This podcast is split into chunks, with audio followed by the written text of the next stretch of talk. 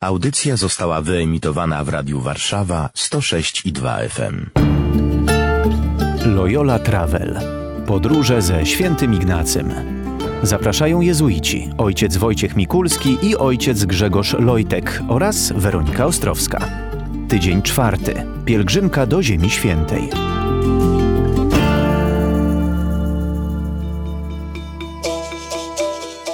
Z opowieści pielgrzyma.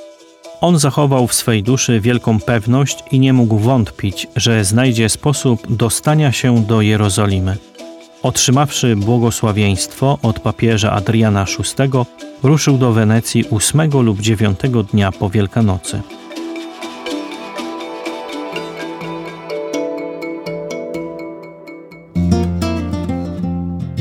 Do Wenecji dzisiaj jeszcze nie dotrzemy ze świętym Ignacym, ale zatrzymamy się w Gaecie, która znajduje się już bardzo niedaleko Rzymu, biorąc pod uwagę jego wcześniejsze podróże. Z Gaety do Rzymu mamy dokładnie 140 kilometrów, a z Barcelony do Gaety święty Ignacy przepłynął po morzu około 1000 kilometrów. Długie te podróże nam się robią, a Gaeta jest to takie urokliwe, dość małe miasteczko na wybrzeżu, niedaleko Rzymu już właśnie. Można tam zobaczyć na przykład przepiękny i taki dość urokliwy i charakterystyczny dla tego miasta zamek i także mieściło się tam w tym zamku dawne więzienie Castello di Gaeta. Jakby ktoś chciał zobaczyć na pocztówkach e, taki charakterystyczny cypelek wysunięty w stronę Morza Tyrreńskiego.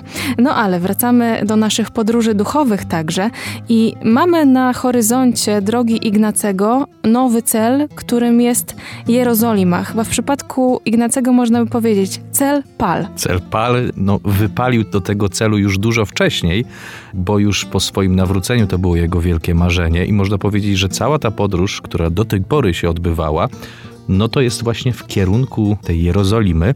I teraz chce po prostu uzyskać błogosławieństwo papieża i ruszyć już jako prawdziwy pielgrzym do tych miejsc świętych, żeby tam się zatrzymać. To błogosławieństwo papieża było też dla niego bardzo ważne, taki jakby znak tego, że Kościół też błogosławi mu w tej drodze? Myślę, że tak. Myślę, że ten trud pielgrzymowania to jest zawsze coś takiego istotnego, że myślę, że jak każda pielgrzymka wychodzi z Warszawy, to nie bez powodu biskupi ją żegnają, można powiedzieć posyłają, bo to jest też wysiłek dla innych, i miejmy nadzieję, że ta pielgrzymka jest też takim sposobem zmieniania tego kościoła i w tym przypadku też e, nawrócenia świętego Ignacego, które będzie się dokonywało właśnie przez to pielgrzymowanie. No i ten kolejny cel na drodze świętego Ignacego, Jerozolima, tak jak powiedzieliśmy. Ojciec powiedział o tym, że to było jego marzenie już wcześniej, właściwie od samego początku marzył, żeby tam trafić, ale skąd on wiedział tak jasno i wyraźnie, co miał robić? Czy to było marzenie dane od Pana Boga, czy on trochę sam sobie je wymyślił? My znamy już zakończenie tej historii, więc nie uprzedzajmy faktów, ale na tym etapie myślę, że to było dla niego najważniejsze najważniejsza rzecz, to najważniejszy cel, wszystko temu podporządkowywał. I Ignacy generalnie w jego duchowości to potem będzie bardzo dobrze widać, kiedy będzie opisywał to w zasadzie pierwszej i podstawowej ćwiczeń duchowych, a więc w tak zwanym fundamencie, że te cele szczegółowe, te mniejsze cele, jest dobrze podporządkowywać temu najważniejszemu celowi. Można by powiedzieć, że on odkrył swoje powołanie, będąc na rekonwalescencji w Loyoli, że chce zamieszkać w Jerozolimie i tam głosić Słowo Boże, tam pracować, tam wieść życie pokutnika. Pokutnika, a więc kogoś, kto będzie pościł i w ten sposób będzie służył Panu Bogu. Też pewnie wiązało się to z jego poczuciem winy, które w Manrezie też bardzo mocno mu dokuczało.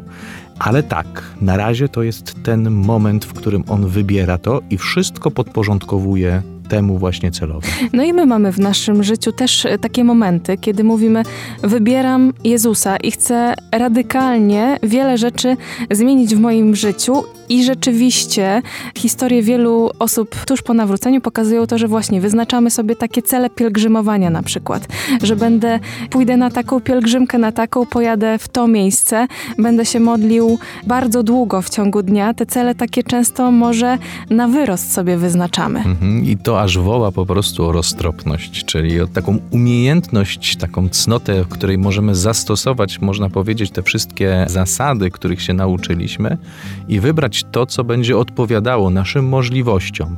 Tutaj jeszcze Ignacy jest przekonany, że to jest dla niego najważniejszy cel i gdzieś to wszystko podporządkowuje. Potem się to troszeczkę zmieni, to zobaczymy w dalszej części naszej podróży, ale póki co to, to jest najważniejsze i w naszym życiu myślę, że to też jest bardzo ważne. Mieć taki ogląd tej rzeczywistości i szersze spojrzenie co jest dla nas najważniejsze, co jest naszym takim podstawowym powołaniem? I te drobne rzeczy, które gdzieś tam wpadają nam w codzienności, jakieś różne zaangażowania, no to dobrze jest gdzieś dobrze rozeznać, czy to się wpisze w tę przestrzeń mojego życia, czy to będzie powodowało, że ja będę bliżej tego celu, do którego chcę zmierzać, do zjednoczenia z Bogiem, czy będę realizował w ten sposób lepiej swoje powołanie, czy to raczej będzie mnie od tego powołania mojego, tego celu odciągać. Jak to sprawdzić? Czy jakiś cel na naszej drodze jest wolą Bożą, czy nie?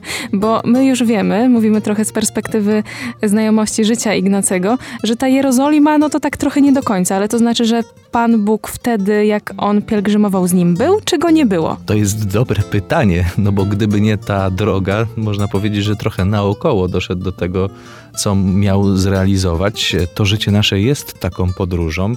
I może warto na to w ten sposób spojrzeć szerzej. No, najważniejsze to jest to odkrywać, do czego jestem zaproszony, do czego wydaje mi się, że Pan Bóg mnie zaprasza i weryfikować to. Po prostu weryfikować to na bieżąco. Z jednej strony potrzeba nam tego potwierdzenia, które gdzieś wypływa z wnętrza naszego, nie? tego zapału serca, tej, tego gorącego serca, o którym już mówiliśmy i które jest też jakimś wyrazem tego radykalnego pójścia za Chrystusem, ale też to, co gdzieś przychodzi i co przynosi nam świat. Czy nam to potwierdza świat?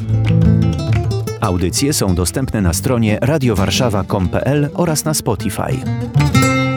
Radio Warszawa nagrywa i udostępnia nieodpłatnie audycje takie jak ta. Dzięki wsparciu finansowemu słuchaczy i przyjaciół. Wejdź na www.radiowarszawa.com.pl i wpłać darowiznę. Wzmocnij nasze dobre fale.